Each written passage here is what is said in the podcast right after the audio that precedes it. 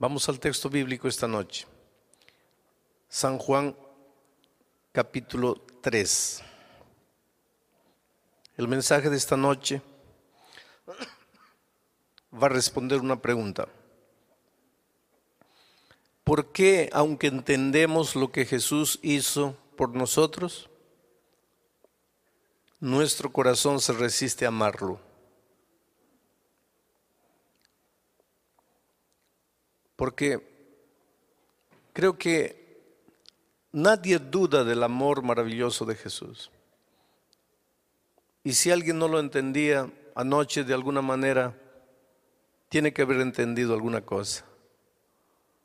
La muerte de Cristo no fue una muerte accidental, fue una muerte propositada.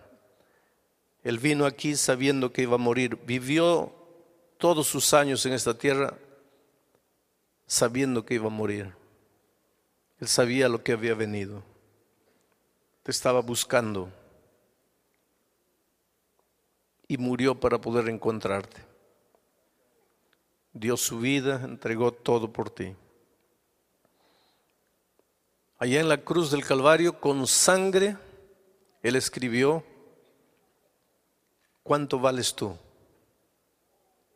Tú vales mucho más de lo que imaginas. Si tú no valieses como a veces piensas, como a veces tú concluyes cuando te miras en el espejo de la vida y ves tus fracasos y derrotas, pero si tú no valieses, Jesús no habría muerto por ti. Lo bonito es que tú vales no porque tienes algo dentro de ti que valga lo que te hace valioso es el amor de Cristo por ti. Tú vales solo porque eres lo que eres. No tienes que hacer nada para merecer el amor de Dios. Basta ser y Él ya te ama. Pero a pesar que entendemos ese amor a veces, ¿por qué el corazón se resiste a amarlo? Esta noche lo vamos a entender. San Juan capítulo 3. Déjame leer a partir del versículo 3. Respondió Jesús y le dijo, de cierto, de cierto te digo que el que no naciere de nuevo no puede ver el reino de Dios. Nicodemo le dijo, ¿cómo puede un hombre nacer siendo viejo? ¿Puede acaso entrar por segunda vez en el vientre de su madre y nacer? Respondió Jesús, de cierto, de cierto te digo, que el que no naciere de agua y del Espíritu no puede entrar en el reino de Dios. Lo que es nacido de la carne, carne es, y lo que es nacido del Espíritu, Espíritu es. No te maravilles de que te dije, os es necesario nacer de nuevo. El viento sopla de donde quiere, oyes su sonido, pero no sabes de dónde viene ni para dónde va. Así es todo aquel que ha nacido del Espíritu. Respondió Nicodemo y le dijo, ¿cómo puede esto hacerse? Respondió Jesús y le dijo, ¿tú eres maestro de Israel y no sabes esto?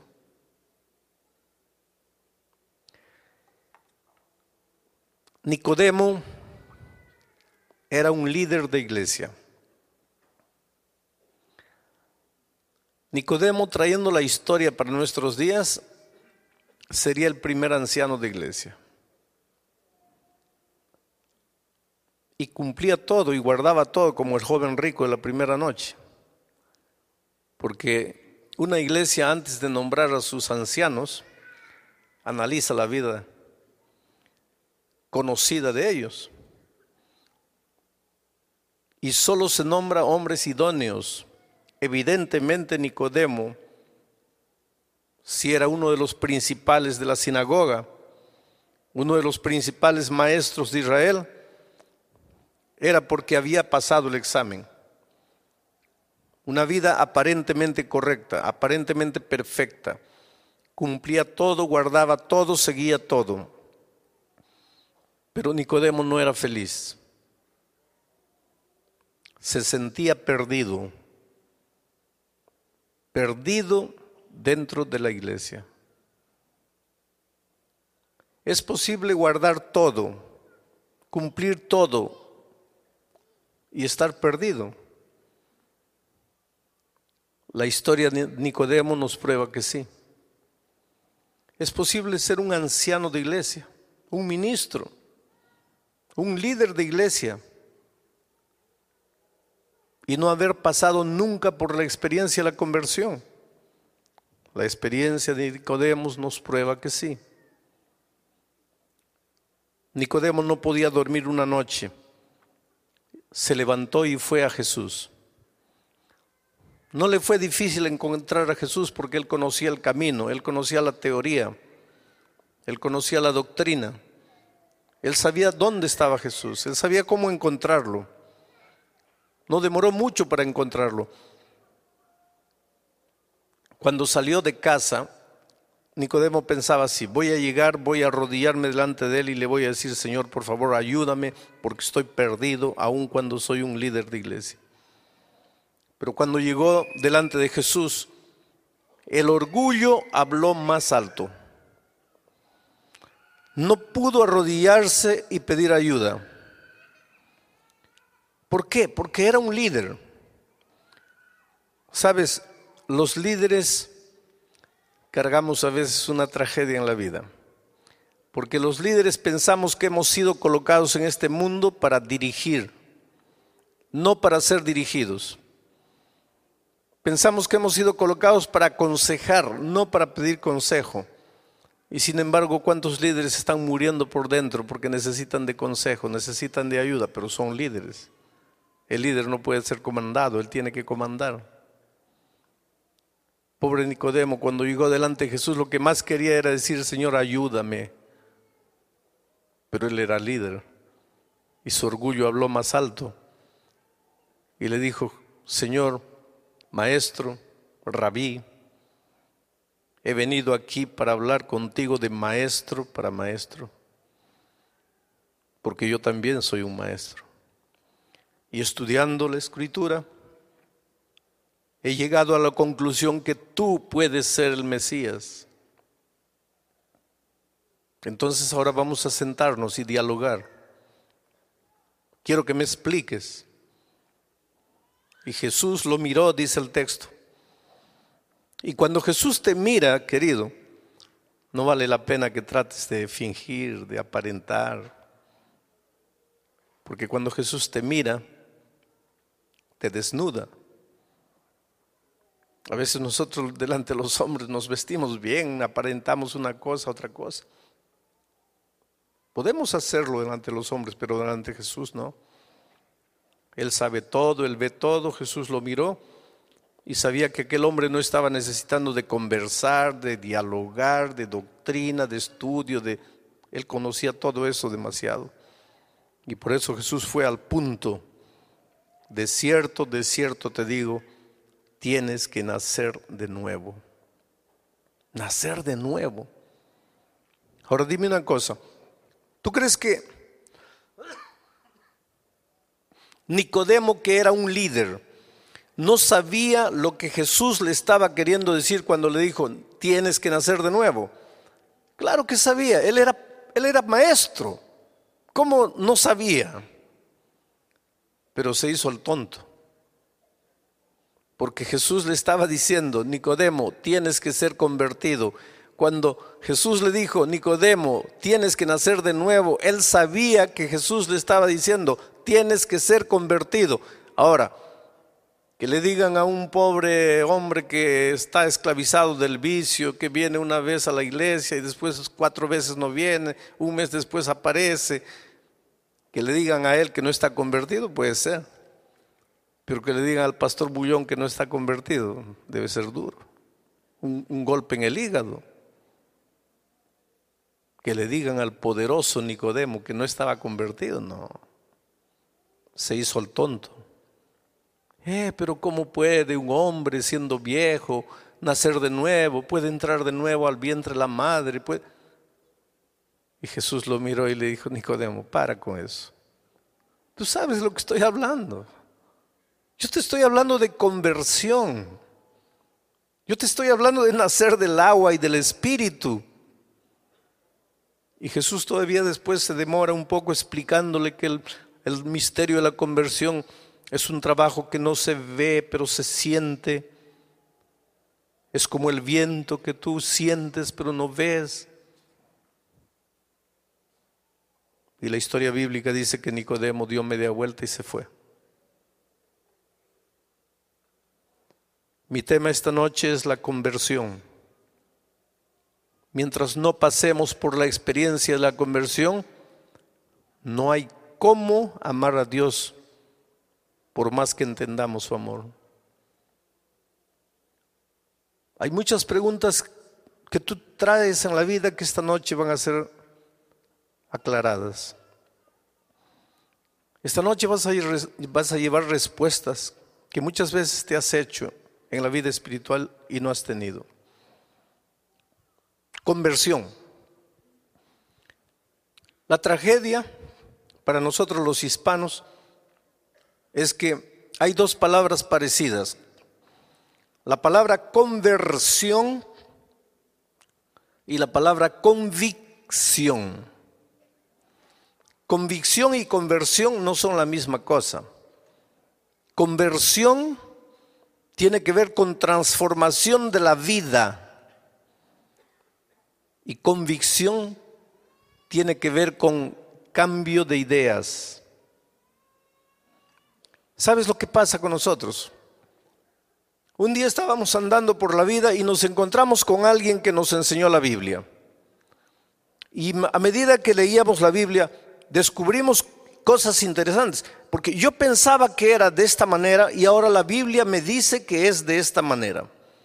Yo pensaba que era de este color y ahora la Biblia me prueba que es de este otro color. Yo creía que era en este día, pero la Biblia me muestra que es este otro día. Yo, yo pensaba así, pero la Biblia, y como soy un hombre sincero, voy aceptando lo que la palabra de Dios me dice. Y entonces mi manera de pensar cambia. Cambian mis convicciones. Cambian mis ideas. Y finalmente yo entiendo que debo ser bautizado. Y me bautizo. Y cuando salgo del agua, levanto las manos al cielo y digo así, gracias a Dios, ahora estoy convertido yo tendría mucho cuidado de decir estoy convertido. Porque estoy convencido con toda seguridad. Estás convencido de que esto es así porque la palabra de Dios lo dice. Pero de estar convencido a estar convertido hay mucha distancia. Porque convicción es cambio de ideas. Pero conversión es cambio de vida. Y hay muchos cristianos, aunque te asustes, que se han bautizado porque han sido convencidos, pero nunca han sido convertidos. En otras palabras, en la iglesia hay muchos cristianos que nunca pasaron por la experiencia de la conversión. Y pastor, si no fui convertido, ¿cuál es el resultado? Te lo voy a explicar. Y te lo voy a explicar con una ilustración. Mira, voy a hacer una ilustración y me voy a mover bastante en el púlpito ahora. Vamos a imaginar que yo soy un lobo. ¿ah? Soy un lobo. Y un día estoy viviendo mi vida de lobo, aullando, cazando animales vivos, matándolos, comiendo. Bueno, mi vida de lobo, libre al viento, corriendo, robando, asaltando. Soy un lobo. Vivo mi vida de lobo salvaje. Y un día estoy andando por ahí y veo un, rebaño de ovejas y las comienzo a observar. Primero las observo queriendo comérmelas, porque soy lobo y ellas son ovejas y tan lindas y blanquitas y gorditas. Y las miro, las comienzo a observar. Pero me, impresiona la vida de las ovejas, porque no pelean, no gritan, no vociferan, no se matan unas a las otras, son tranquilas, pastan ordenadas, siguen a su pastor.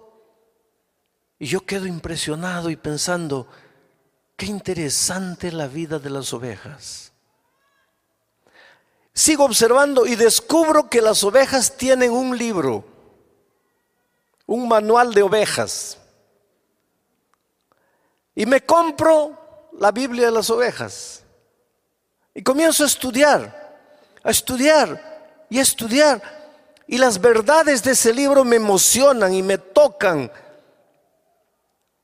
Y yo me doy cuenta que la mejor vida en este mundo es la vida de una oveja. Pero yo soy lobo. Pero ahora yo llego a la conclusión de que quiero ser una oveja, pero yo soy lobo. Pero después de estudiar la doctrina de las ovejas y el libro de las ovejas, descubro que no hay vida mejor que una vida de oveja, por lo tanto yo quiero ser una oveja. Solo que hay un pequeño problema. Yo soy lobo. Yo nací lobo. Y no basta querer ser oveja. ¿Tú ya viste un gato transformarse en perro? ¿Un loro transformarse en águila? ¿Un toro transformarse en camello? No, eso no es si, si eso aconteciese, si eso sucediese, sería un milagro. Que un lobo de repente, en un segundo, ya no es más lobo, eso, eso solo puede ser un milagro, porque eso no es nada normal. Yo como lobo puedo quedarme aquí 100 años, quiero ser oveja, quiero ser oveja, quiero ser oveja, voy a morir lobo, porque nací lobo tengo naturaleza de lobo, sangre de lobo, diente de lobo, boca de lobo, paladar de lobo, gustos de lobo, soy lobo. Solo que soy un lobo en conflicto. Porque mi cabeza me dice que la mejor vida es la vida de las ovejas, pero yo soy lobo. Entonces, ¿qué pasa? Decido unirme a las ovejas. Solo que si yo me voy así como lobo, las ovejas van a huir despavoridas. Entonces, para que no corran de mí, me visto de oveja. Me coloco una piel de oveja. Me bautizo. Cuando salgo del agua, ya salgo vestido de oveja. Ahora parezco oveja y me junto con las ovejas y las ovejas ya no corren de mí. Entonces yo ya comienzo a vivir con las ovejas. Pero yo sigo siendo lobo. Yo nunca dejé de ser lobo. Bueno, llega la hora de comer. Todas las ovejas se van a comer pasto. Y meten la, mano, la, boca al pasto.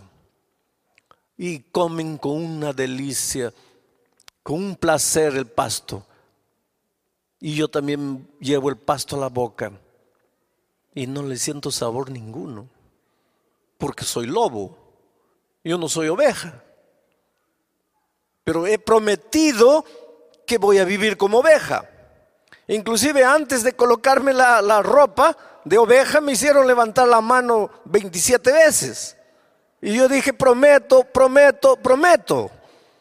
Y ahora no da. Y ustedes saben que las, ovejas rumian porque tienen cuatro estómagos. ¿Qué quiere decir rumiar? La comida viene aquí, mastican, va para un estómago, vuelve, siguen masticando, va para el otro estómago, vuelven, siguen masticando. Y toda la noche las ovejas se pasan moviendo la boca.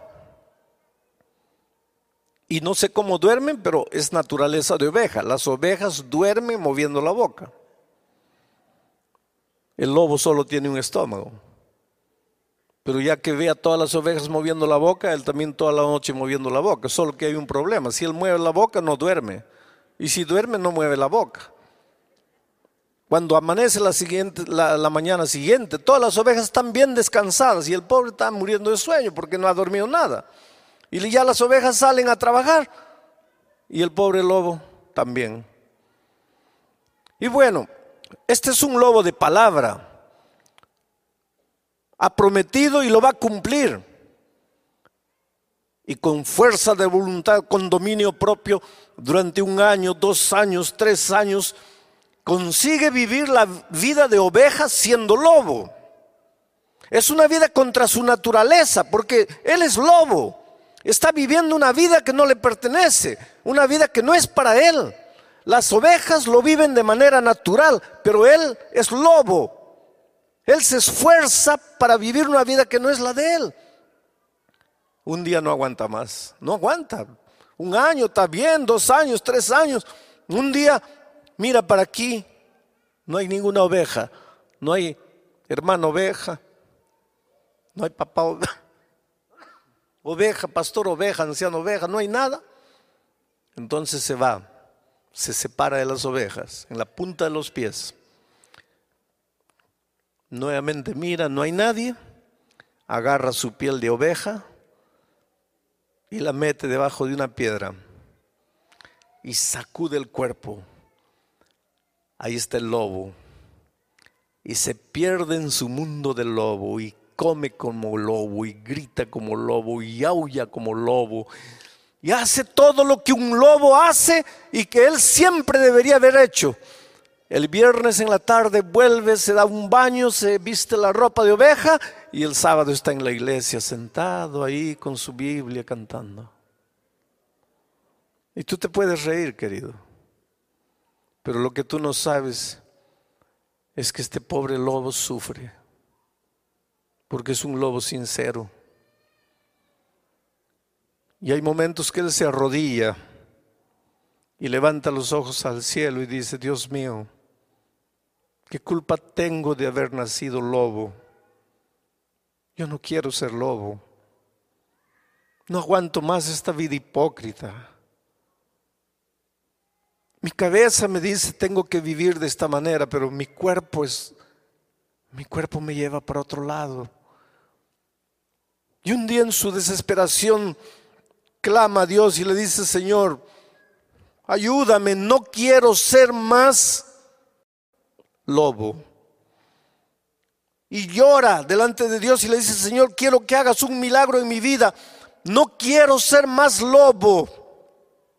Por favor, te suplico, transfórmame, conviérteme en una oveja de verdad no quiero ser lobo vestido de oveja, quiero ser oveja con sangre de oveja, con cuerpo de oveja, con carne de oveja, con paladar de oveja. Y Dios en su maravilloso amor desde el cielo escucha la plegaria de ese lobo y lo toca. Y en un segundo, con el toque divino, ese lobo se transforma en una oveja de verdad, se convierte en una oveja de verdad, con, con, naturaleza de oveja. Ahora ya no es más lobo disfrazado de oveja, ahora pasa a ser oveja de verdad. Cuando llega el momento de comer pasto y todas las ovejas van a comer y él también mete la boca, ¿le va a sentir sabor al pasto? Ahora sí, porque ahora es oveja. Ha pasado por el milagro de la conversión. Mi pregunta para ti, querido, es la siguiente. ¿Cuándo fue el momento que tú te arrodillaste? Que tú lloraste delante de Dios, que tú clamaste, que tú dijiste, Señor, no quiero ser más lobo quiero ser oveja. ¿Cuándo fue el momento en que Dios te tocó y te dijo, a partir de este momento ya no eres más lobo, eres oveja? Porque hay una cosa. La palabra de Dios dice que todos nosotros nacimos lobos. Todos nacimos pecadores y estamos condenados a la muerte. No hay justo ni siquiera uno. No hay quien busque el bien. Engañoso es el corazón y perverso. ¿Quién lo conocerá? Aunque te laves con lejía, tu pecado está delante de mí, dice Dios. La intención del corazón es el mal. Nosotros hemos nacido con naturaleza pecaminosa, con naturaleza de lobo. Pastor, no le entiendo. ¿Qué, ¿Qué, es naturaleza pecaminosa? Te lo explico. Cuando Adán y Eva fueron creados, fueron creados con naturaleza perfecta. Ellos no tenían inclinación al pecado. Adán y Eva no sentían ganas de pecar nunca. Eran perfectos. Para ellos obedecer era como para ti es respirar. ¿Tú te esfuerzas para respirar? No. Nadie se esfuerza para respirar. La respiración es algo natural. Bueno, para Adán y Eva, antes del pecado, eh, obedecer era como respirar, era natural.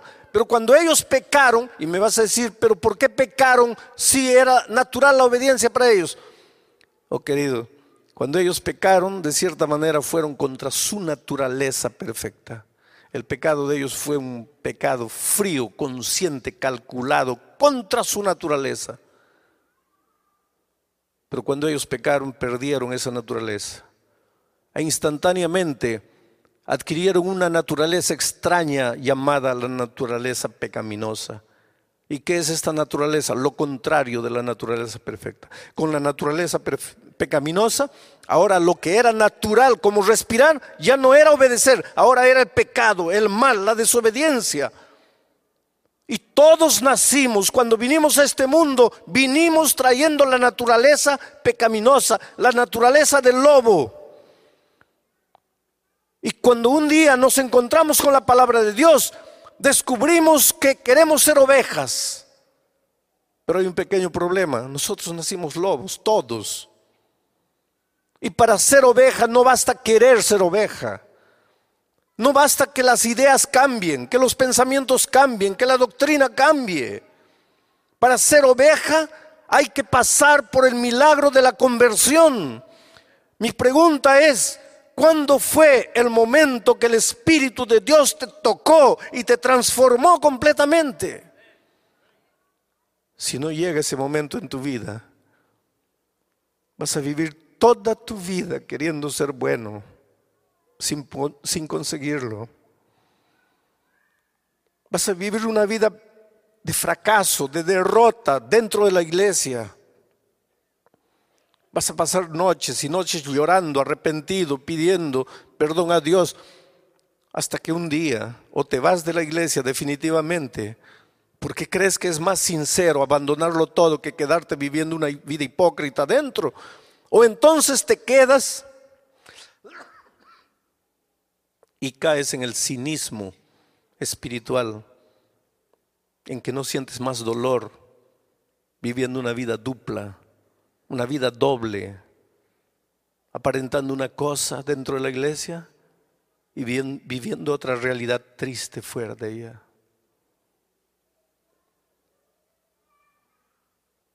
Pastor, ¿hay remedio? Claro que hay remedio.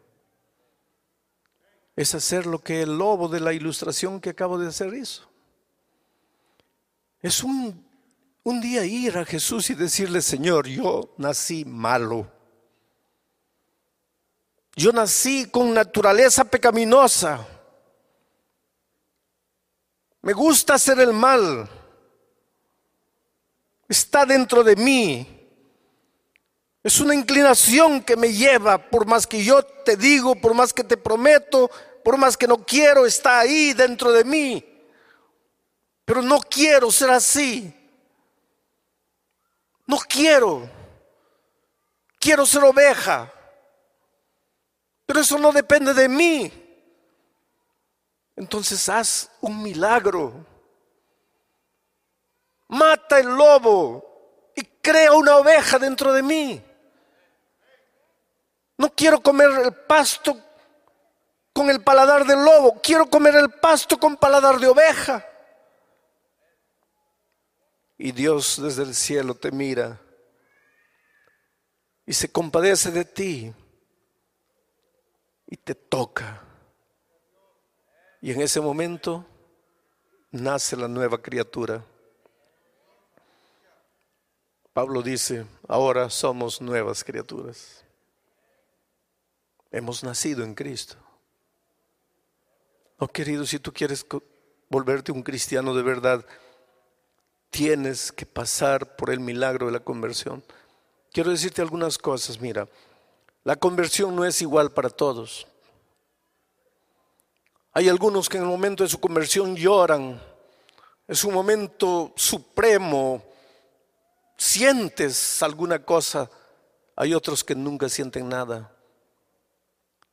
Pablo, para pasar por la conversión, tuvo que caerse del caballo una noche oscura en el desierto de Damasco. Jonás, para pasar por la experiencia de la conversión, a pesar de ya haber sido un profeta, tuvo que descender y ser tragado por un grande pez.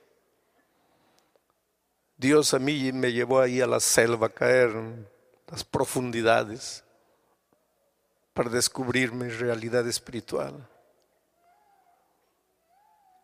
Pero Timoteo nunca cayó del caballo, nunca fue tragado por una ballena y sin embargo fue convertido. Quiere decir, no es el hecho de que porque no te has caído de un abismo, porque no esto aquello, no estás convertido. No, no, tú puedes estar plenamente convertido.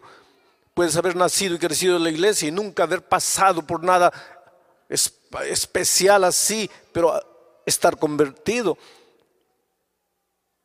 Pero en algún momento tienes que ser consciente de que le has pedido a Dios una nueva naturaleza.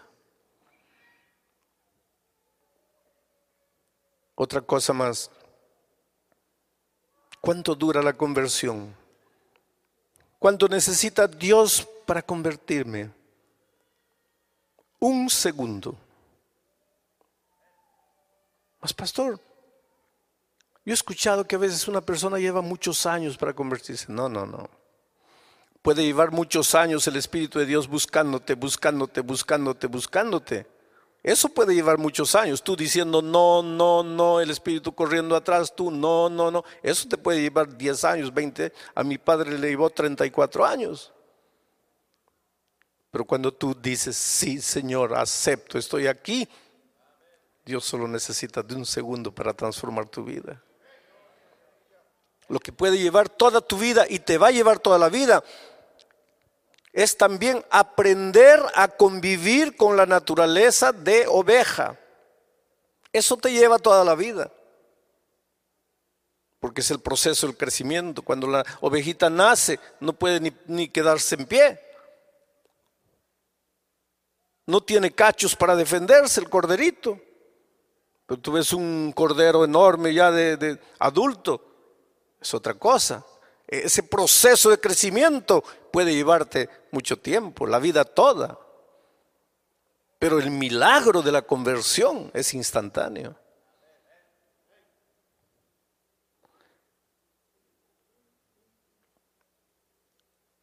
Hace muchos años atrás yo estaba en el inicio prácticamente de mi ministerio haciendo una campaña evangelística en una favela, en una barriada, en un pueblo joven, una villa miseria, como quieran llamarle. Esos barrios pobres que aparecen así en las periferias de las grandes ciudades.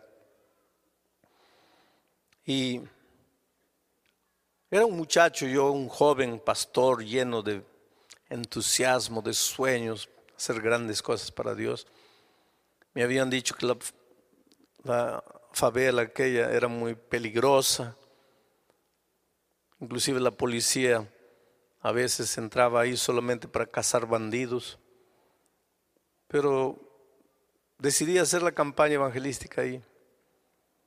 Un día cuando estaba preparando el terreno mientras bajaba por las calles oscuras de esa favela, dos muchachos me agarraron, me colocaron un cuchillo en el pecho yo levanté las manos y les dije, miren, no me hagan nada. Yo soy un pastor, yo predico el Evangelio, no le hago mal a nadie. Yo sé que ustedes necesitan vivir, necesitan dinero, llévense lo que tengo. Está mi cartera, está mi reloj, tenía una caneta bonita de oro que me habían regalado. Ahí, no tengo más nada, déjenme mis documentos, dejen mi Biblia. Ellos me quitaron todo, y se fueron. Me quedé temblando cuando ellos se fueron. Pensé, el diablo está queriendo que no haga esta campaña y no me va a asustar. Yo la voy a hacer. Y seguí trabajando. Llegó el primer día de la campaña. Una expectativa. Pequeño salón estaba lleno. Empecé a predicar. Allá al fondo había un muchacho que me miraba con gorro cuando yo miraba a otro lado, él me estaba mirando. Cuando yo lo miraba, él se agachaba. Cuando yo miraba a otro lado, yo sabía que él me estaba mirando. Yo lo, miraba, él se agachaba. Por ese detalle, el rostro de él quedó marcado en mi mente. La segunda noche no apareció. La tercera noche no apareció, no apareció más. Pero la primera noche las chicas bonitas recepcionistas habían tomado los nombres y yo empecé a visitar las casas de las personas. Y fue así que llegué a la casa de este muchacho. Cuando lo vi, él estaba ahí sin ropa, sin, sin camisa, se escondió. La madre salió, pregunté, vine a visitar a Jorge Roberto. ¿Quién es usted? Soy su amigo. Él no tiene amigos. No, pero yo soy su amigo. Inclusive él me dio su dirección. Ah, él no está. Le dije, sí está, yo lo acabo de ver. Dígale que venga, quiero hablar con él. Él salió, su cuerpo lleno de cicatrices, tatuajes, mal encarado. Me miró así. Dice, ¿qué quieres? Dije, mira, tú estuviste la primera noche y no volviste más. Y yo vine a visitarte. ¿No te gustó? la reunión de la primera noche, ¿por qué no volviste? Él me dijo, tú sabes por qué no volví. Le dije, ¿por qué? Tú sabes lo que estoy diciendo. No te entiendo. Me dice, tú me reconociste. No, te estoy reconociendo. Tú estuviste la primera noche y no te vi más. Me dice, yo soy uno de los que te asaltó te tiré, te saqué del dinero, el reloj. Le dije, mira, tú eres uno de esos. La noche que me asaltaste estaba oscuro, no te vi. Pero ya que me estás confesando, ¿dónde está mi dinero? Me dice, no, no tengo más nada. Le dije, pero me tienes que pagar. Sí, pero yo no tengo nada. Entonces vamos a hacer una cosa si tú vuelves todas las noches a, las reuniones, y en esos tiempos hacíamos campañas de 90 noches sin parar, eran otros tiempos. Los pastores, pastores de edad aquí deben recordar esos tiempos de evangelismo grande, ¿no? Y dije, si no pierdes una noche, la deuda está pagada. Ahora, si tú no vas, tienes que pagarme. Fue así que él comenzó a aparecer. Todas las noches aparecía, se sentaba ahí atrás, se levantaba así como para certificarse que yo lo había visto, como diciendo, mira, estoy pagando aquí. Antes de terminar la reunión se iba. Él aparecía en la mitad de la reunión, quedaba dos, tres minutos, se iba. Ustedes saben que esa gente respeta mucho su palabra. Es admirable como ellos, eh, ellos tienen un código de honra que es admirable. Pero una noche yo estaba predicando el tema de la conversión y parece que eso le interesó y él se quedó.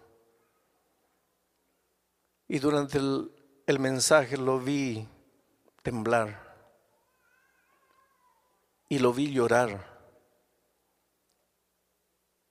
Y lo vi llorar casi a, casi a gritos. Y aquella noche cuando todo el público salió, yo estaba en la puerta despidiendo a la gente, él no salió. Y cuando vine, él estaba sentado en la primera fila Y me senté al lado de él y le dije, hola Jorge. Él estaba llorando y me dijo, eso que predicaste es verdad. Dios puede cambiar a cualquier ser humano en un segundo. Le dije, sí, es verdad. Él me dijo, no. Eso puede ser verdad para cualquiera, pero no para mí. A mí Dios no puede cambiarme. Le dije, claro que te puede cambiar. No, no puede cambiarme a mí. Tú dices eso porque no me conoces. Si conocieses mi vida, no dirías que puede cambiarme. A mí no me puede cambiar. Le dije, pero ¿qué hay en tu vida que Dios no pueda cambiar? Y ahí él me contó su historia. Él nació en un prostíbulo. Su madre trabajaba allí. Él nunca supo quién fue su padre. Cuando pequeño, las otras mujeres que trabajaban ahí cuidaban de él mientras la mamá vendía su cuerpo. Él aprendió a andar respirando la basura de esta vida. Me dijo, yo tenía nueve años cuando en el barrio todos yo siempre le preguntaba a mi mamá, ¿quién es mi papá? Él, ella decía que no sabía. Y un día ahí en el barrio los muchachos me explicaron por qué yo no sabía quién era mi papá. Y ese día tuve odio de mi madre. Pero mi madre era todo lo que tenía. Cuando yo tenía 12 años, mi madre quedó tuberculosa. Comenzó a botar sangre por la boca. De mañana había ido al puesto médico, le habían dado una receta, pero no había dinero para comprar remedio. Estaba ahí en la cama, toda la sábana manchada de sangre. Yo solo tenía 12 años. Salí con la receta en la mano a buscar ayuda con toda la gente. Nadie quería ayudarme. Bajé a la ciudad, pedí ayuda con la receta en la mano. Nadie me escuchaba. Algunos me arrojaban un centavo. Fue entonces que me quedé en una esquina parado, mirando a las mujeres con joyas, con cadenas de oro. No sé de dónde saqué fuerzas, me avalanché sobre una mujer le arranqué la cadena. Y corrí, corrí, corrí. Subí aquí a la favela, yo sabía quién vendía, quién compraba oro aquí. Vendí, con el dinero volví a la ciudad, compré el remedio de mi madre, llegué a mi casa a la noche, le entregué a mi mamá los remedios pero ese día yo descubrí que dentro de mí se quebró un vaso de cristal. Ese día entendí que yo no necesitaba de nadie para poder vivir. Si el mundo había sido malo conmigo, ahora el mundo se arrepentiría de lo que me había hecho. Y a partir de ese día comenzó mi carrera de delincuencia. Mírame, me dijo, yo he hecho todo lo que puedes imaginarte en la vida. Imagina lo peor de lo peor, yo ya hice. He abusado de mujeres, he matado, he robado, he asaltado, porque cuando niño arrancaba y corría, después fui creciendo, ya me dio vergüenza estar corriendo. Entonces agarré un cuchillo, un revólver, comencé a sacar las cosas por la fuerza. Fue así que te agarré, fue así que te saqué tus cosas. Soy un viciado en drogas, vendo droga para poder sobrevivir. Ahora tú vienes y me dices así, Dios puede cambiar tu vida en un segundo. ¿Cómo quieres que te crea? ¿Cómo Dios puede cambiarme? Le dije, no sé muchacho. Yo solo sé que Dios puede cambiarte si tú quieres. Hice una oración con él, se fue y no volvió más. No volvió una semana, no volvió dos semanas. Un día yo estaba terminando ya la predicación cuando la madre de él apareció allá en la puerta y me comenzó a hacer señales. Terminé la predicación, fui a hablar con ella. Me dijo, por favor, venga a mi casa. Jorge está mal y lo necesita. Y fui corriendo. La madre en el camino me contó lo que había pasado. Esa tarde Jorge llegó a la casa empezó a andar como un león enjaulado dentro de la sala de un lado para otro. Y decía así, quiero droga, necesito droga, pero no puedo usarla más porque Jesús cambió mi vida. Pero a medida que el tiempo pasaba, el, deseo de la droga iba aumentando. Y él andaba enloquecido dentro de la sala, golpeando con los puños la pared. Y en una de esas dio un cabezazo en la pared y se abrió una herida y la sangre comenzó a salir. Y la madre le dijo, hijo, pero si necesitas droga, anda, busca, pero no, no, no te revientes. Y él le dio un golpe a la madre y la tiró al suelo. Y después, cuando vio a la madre en el suelo, se dio cuenta de lo que había hecho y, y la recogió y le dijo, mamita, perdóname, pero es que estoy loco, necesito droga, pero no puedo usar más, porque Jesús ya cambió mi vida. Y entonces le dijo, mamá, amárrame, amárrame con la cuerda aquí al poste de la cama, amárrame, porque si tú no me amarras, yo voy a buscar droga y yo no quiero más porque Jesús cambió mi vida. La madre lo amarró y le dijo, ahora anda a la iglesia, el pastor debe estar ahí, llámalo. Y yo llegué cuando lo vi, él me gritó, me insultó. Después se calmó, lo desaté. Temblaba, estaba amarillo, sudaba. Temblaba horriblemente. Me miró y me dijo, ¿será que voy a lograrlo? Le dije, claro, Jesús ha cambiado tu vida. Lo vas a lograr. Fue ahí que empezó la grande lucha de este muchacho. Todas las noches aparecía. Cuando no aparecía yo sabía que se había drogado. Un viernes de noche me acuerdo. Él no apareció, yo fui a buscarlo a la casa. La madre me dijo, no ha aparecido. Toda la noche anterior, no ha aparecido todo el día.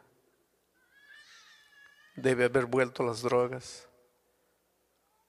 Yo sabía dónde lo encontraría. Fui allá, un antro de perdición. En medio del humo del cigarro, de aquel ambiente sórdido me reconoció. Y me dijo, mira, ándate, vete, no pierdas el tiempo conmigo, yo estoy perdido. Yo no puedo más. Para mí acabó. Le dije, no acabó. Me dijo, ¿qué haces aquí? Tú eres un pastor. ¿Qué haces en este lugar? Le dije, estoy haciendo lo que Jesús haría. Jesús lo dejó todo allá y vino aquí, por mí y por ti. Yo estoy aquí para ayudarte. Él lloraba, se arrodillaba, le pedía a Dios. Aparecía una semana en la iglesia, después desaparecía, volvía. Pero te digo una cosa, querido. Y escúchame bien lo que te voy a decir. No hay nada, nada debajo del cielo. No hay nada. Y no hay nadie que te pueda obligar a hacer algo que tú no quieres cuando Jesús ha transformado tu vida. El diablo puede tentarte, el diablo puede hacer lo que quiera, pero necesita tu consentimiento. Si tú no le das el consentimiento, él no puede, no puede. Y te digo otra cosa, no hay nada, no hay vicio, no hay nada de lo cual Dios no pueda libertarte si tú clamas. Aquel muchacho clamó a Dios y Dios le escuchó y lo libertó completamente del pecado. Yo lo ayudé a buscar su primer empleo. Me acuerdo que era un viernes cuando él recibió su primer sueldo y ni siquiera esperó a ir a la iglesia.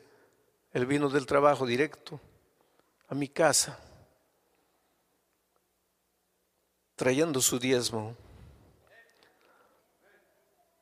Y me dijo así, es el primer sueldo de trabajo honesto, el primer dinero de trabajo honesto.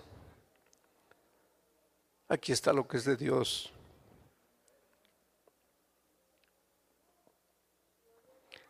Llegó diciembre, llegó el bautismo. Mucha gente me decía, usted se va a arrepentir de bautizarlo.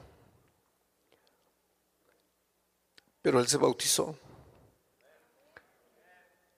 Y fue un grande muchacho dentro de la iglesia. Un año después me transfirieron de distrito. Me fui a la selva. Volví de vacaciones un año después. Y los hermanos corrieron a darme la noticia. Su amigo Jorge Roberto murió. Les dije, ¿cómo? Un sábado de mañana, en la puerta de la iglesia, mientras el pastor despedía a los hermanos después del culto, tres ex compañeros de fechorías, ex delincuentes, o tres delincuentes, lo agarraron y nadie se dio cuenta porque pensaban que estaban jugando y le metieron siete cuchillados cuchilladas en el cuerpo. Jorge se desplomó los asesinos desaparecieron. Los hermanos corrieron para ayudarlo. Y él dijo, no me toquen. Creo que voy a morir. Pero estoy bien. Dios me encontró, me perdonó, me salvó.